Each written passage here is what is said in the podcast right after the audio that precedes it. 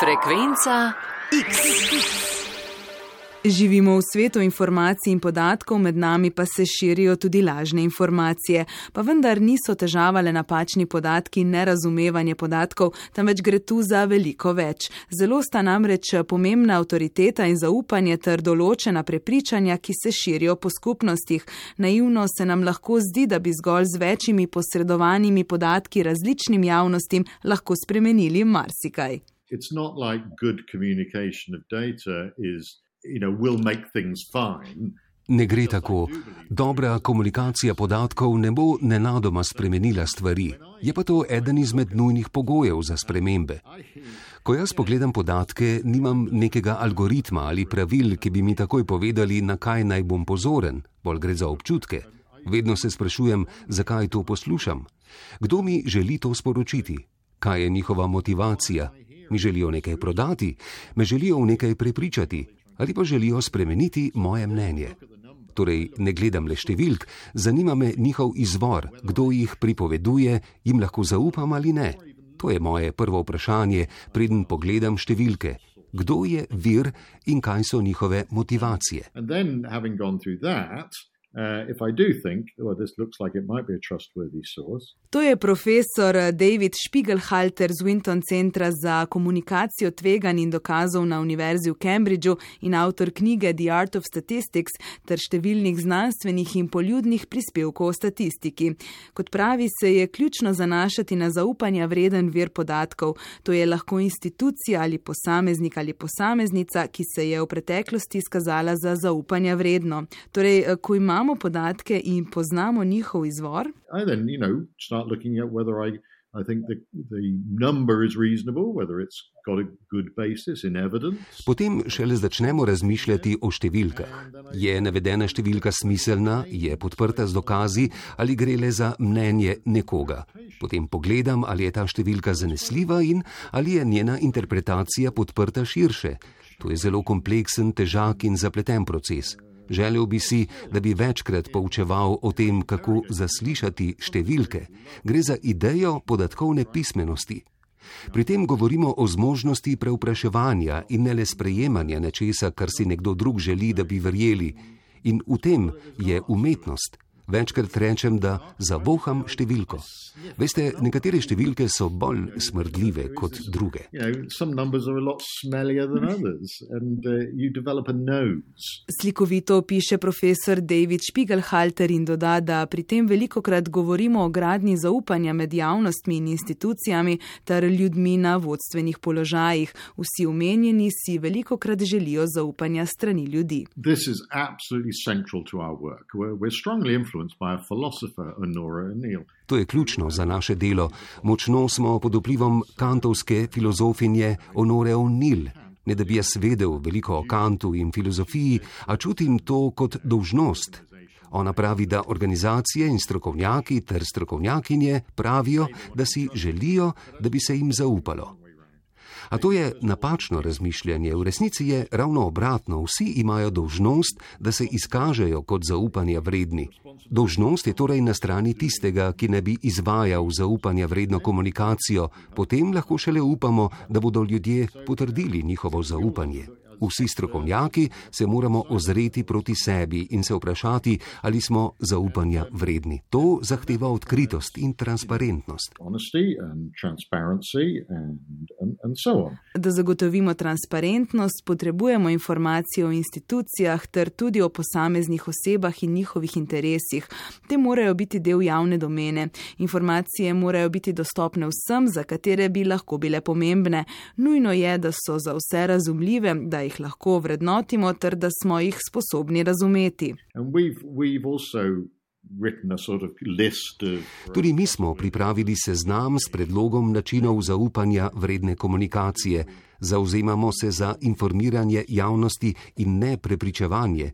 Želimo podpirati ljudi, da sprejmejo boljše odločitve. Pri tem ni potrebno, da jim govorimo, kaj naj naredijo ali kaj naj si mislijo. Cilj je, da jim pomagamo bolje razumeti stvari. Pri tem je pomembno, da smo uravnoteženi in podamo obe strani argumenta. A to ne pomeni, da sta obe strani enakovredni. Dober način prikazovanja dveh strani argumenta so v primeru zdravstvenih informacij tabele s koristmi in tveganji. Poleg koristi in tveganj, ki jih že poznamo, pa pogosto obstajajo tudi taka, o katerih morda še ne vemo vsega. And then uh, you admit uncertainty, things you don't know. Potem odkrito govorimo o negotovosti, stvari, ki jih še ne vemo. Poleg tega povdarjamo, kako dobre dokaze imamo. Pri tem pa se trudimo tudi vnaprej preprečiti nerazumevanja in gremo strogo proti ljudem, ki manipulirajo dokaze. Mislim, da imamo dolžnost, da popravimo lažne informacije, ki krožijo naokoli. Profesor David Spiegelhalter je sodeloval tudi v raziskavah, v katerih so se spraševali, kako sporočanje negotovosti vpliva na sprejemanje določenih verov in številk. Sodelujoče v raziskavi so izpostavili trem pogojem. Ali so prejeli informacije brez vključene negotovosti, ali so negotovost okoli številčnih ocen dodali na številskem intervalu ali pa zgolj z besedami, vrednost ocene je bila lahko višja ali nižja. Ugotovili so, da se v primeru dodane negotovosti zaupanje vdeleženih oseb v podane številke v primeru številskega opisa ni skoraj nič spremenilo. V primeru verbalnega opisa je zaupanje v podane številke za malenkost bolj upadlo. V nobenem primeru pa se pri izražanju negotovosti ni zmanjšala ocena zaupanja vrednosti vira informacije. Vključevanje negotovosti in odprtost ter transparentnost o omejitvah znanja po Špigelhalterjevem mnenju nas zmanjšujejo zaupanje zaupanja v vere, ki predstavljajo neke informacije. Oh, if we admit we don't know, uh, nobody will trust us and they'll just go. Ljudi sicer skrbi, saj mislijo, da če priznajo negotovost, jim nihče ne bo zaupal in bodo ti šli drugam in verjeli v nekaj drugega. Jaz mislim, da je to povsem zgrešeno. Tudi empirični dokazi, ki jih mi in ostale raziskovalne skupine podajamo, kažejo, da to ne drži. Če ste odprti glede tega, kar veste in česa ne, to ne zmanjša zaupanja v vir. Obstaja celo možnost, da to zviša zaupanje v primeru, ko smo odkriti. Govorimo o odkritosti. Če ne priznaš negotovosti, nisi odkrit, nasprotno, trdiš, da veš stvari, ki jih ne veš. To je globoko neetično.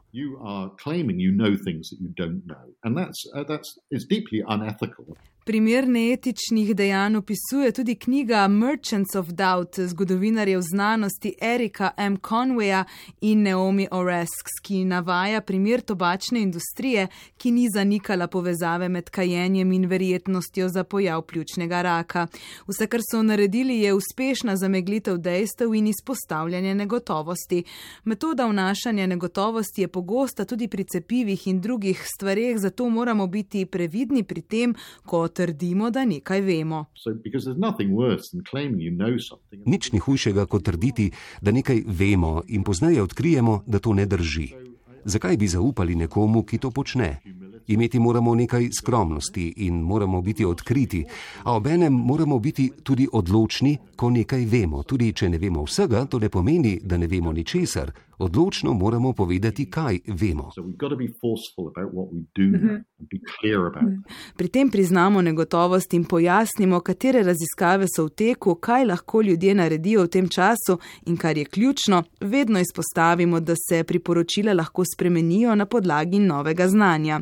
Skozi celotno oddajo tako govorimo o številkah, informacijah in znanstvenih raziskavah, a tu ne gre le za to. Za vso to vednostjo in nevednostjo o številkah se skriva skrivajo zgodbe. Kako torej številke približati ljudem? Uh, that's, that's no, we, we... S tem vprašanjem se vse čas borimo. Veste, kjer vemo, da moramo skomunicirati številko, obstaja veliko drugega, kar lahko komunicirate, razen da številka sama ne pomeni skoraj nič, lahko da res sploh ne pripovedujejo zgodbe. In če bi želeli povedati zgodbo, želite ljudem jasno povedati, kaj številka dejansko pomeni, ker morda ne pomeni prav tistega, kar mislijo, da pomeni. In ne glede na to, ali gre za veliko ali majhno število, in jo postavite v kontekst, zlasti v zgodovinski kontekst tega, kar se je dogajalo v preteklosti, in potem, da se pogovorimo o zanesljivosti in ostalih stvareh, o katerih sva govorila. In vsi so absolutno pomembni. Zdaj je to precej težko narediti. Če imaš samo 10 sekund na radiju ali televiziji, res lahko navedeš samo številko, ampak imamo dober rek, da številke ne govorijo same zase, govorimo na mesto njih. Bistveno je, da se ljudem na zaupanja vreden način pomaga razlagati te številke, da vedo, kako se spreminjajo ali so nezanesljive. Številke so kot vrh ledene gore, za njimi se skriva še mnogo podatkov, od vera številk do načina zbiranja in poročanja. Poleg tega so številke, ki opisujejo neke informacije, vedno del širšega konteksta. They don't speak for themselves. They need to be embedded in a story and a narrative. Številke ne govorijo same zase, vedno so ujete v nek narativ. Pri tem moramo biti zelo previdni. To je zelo novinarsko. Seveda vi govorite zgodbe, a dobro je predstaviti izkušnje posameznih oseb. Mislim, da je to razumno početje. Predstavljanje izkušenj na način, da predstavljajo številke in podatke. Povedano drugače, zgodb ne pripovedujemo le zato, da bi sporočili zgodbo nekoga, ki so mu naprimer cepiva otežila zdravje. S tem predstavljamo informacijo, ki je novinarsko morda zanimiva, a je zavajajoča. Vseeno pa vemo, da je za večino ljudi bilo cepivo izjemno pomembno, a te zgodbe je težko odkriti, razen v primeru, ko imamo zgodbo nekoga, ki mu je neko zdravljenje rešilo življenje. Ne vemo, kdo so ljudje, ki so zdravi, a bi sicer umrli, če ne bi bili cepljeni. Enostavno ne vemo, kdo so te osebe. Zelo podobno je pri podatku o tem, da je bilo v času zaprtja javnega življenja manj prometnih nesreč. Ne vemo, kateri ljudje so bili to in katera življenja so bila rešena. Iz vidika pripovedovanja zgodb imamo veliko neravnovesje, poznamo imena in zgodbe ljudi, ki so bili oškodovani, in ne imen ljudi, ki so preživeli. Can, uh, Profesor David Spiegelhalter, z njim se je pogovarjala naša znanstvena sodelavka Zarja Muršič, še dokonča z mislijo, da bo pripovedovanje zgodb, ki temelijo na številkah, v prihodnje zelo pomembno. S porastom lažnih informacij pa bomo na družabnih omrežjih potrebovali angažirano, zaupanja vredno, berljivo in živo komunikacijo, ki jo podpirajo podatki. Frekvenca X.